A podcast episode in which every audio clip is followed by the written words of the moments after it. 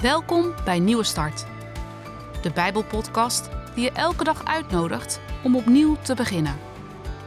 Soms kan het leven ingewikkeld zijn, maar je hoeft het niet alleen te doen.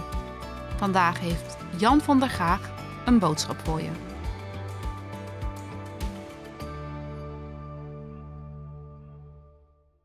Je hebt van die meezingers, bijna marsliederen, waar je zo lekker op kunt lopen.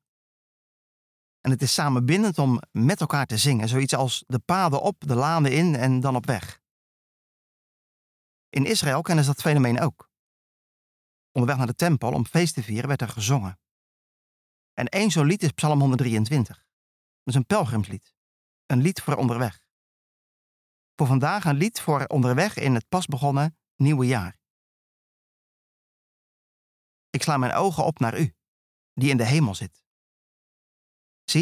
Zoals de ogen van dienaren gericht zijn op de hand van hun heren, en zoals de ogen van een dienares gericht zijn op de hand van haar meesteres, zo zijn onze ogen gericht op de Heere, onze God, totdat Hij ons genadig is. Wees ons genadig, Heere, wees ons genadig, want wij zijn meer dan verzadigd met verachting. Onze ziel is meer dan verzadigd van de spot van de zorgelozen van de verachting van de hoogmoedigen.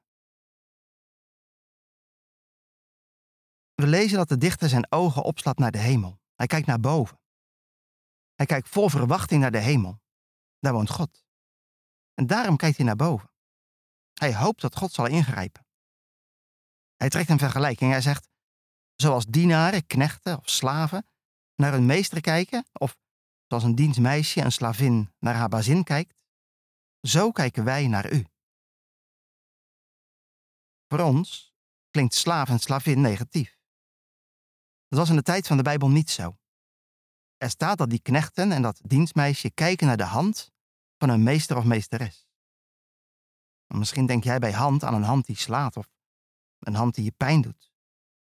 Hier betekent het de hand die voor je zorgt, de hand die je eten geeft, de hand die je vertroost. Er zit iets afhankelijks en verwachtingsvols in. Deze knechten en dat dienstmeisje kijken positief en vol verwachting naar de hand van hun meester of meesteres. En zo, vol verwachting van liefdevolle zorg, kijkt de dichter naar God. Hij verlangt naar Gods zorg. En dat kan ook, want de dichter noemt Gods naam. Hij zegt, zo zijn onze ogen gericht op de Heere onze God. De God die een verbond gesloten heeft met het volk waarvan de dichter onderdeel is. God heeft zich aan hem en aan de rest van het volk verbonden. En nu komt hij met een vraag. Wees ons genadig. En dat niet één keer, twee keer achter elkaar. Wees ons genadig, heren. Wees ons genadig. En zo wordt het een indringend gebed. En hij gaat door. We zijn verzadigd met verachting. Ja, zelfs meer dan verzadigd, omdat er met ons gespot wordt. Gespot door zorgelozen. Mensen die zich niet druk maken om zorg voor anderen. En zelf hun schaapjes op het droge hebben. En zich het lot van de anderen niet aantrekken. Er zelfs mee spotten. En wij zijn het zat. Hij heeft ook last van verachting van de hoogmoedigen. Mensen die neerkijken op anderen vanuit een machtspositie. Of mensen die er trots op zijn dat ze in dit leven wel zonder God kunnen. En dan houdt het gebed ineens op.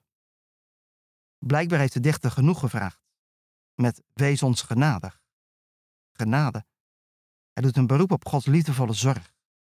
En hij vertrouwt op God. Hij zegt, onze ogen zijn op u, totdat u ons genadig bent. Hij wacht, in overgave aan God. Hij wacht niet af, maar hij verwacht. Hij is verwachtingsvol. Het kan niet dat God niet zal horen. Een open eind, maar toch verwachtingsvol. Wellicht herken je dat, met je dat er met je gespot wordt. Of op je neergekeken wordt. Misschien begrijp je niet waarom je leven gaat zoals het gaat. Net als deze dichter. Wat hij wel wist, was dat hij zat was. En daarom riep hij om hulp. Als ik je een advies mag geven, zing dit lied onderweg in een nieuw jaar. En neem diezelfde vluchtweg als de dichter van deze psalm. Machtige God. Samen met deze dichter zeggen we het maar eerlijk, we zijn het zat. En we begrijpen niet waarom het gaat zoals het gaat. We vragen u om hulp. Verwachtingsvol. Amen.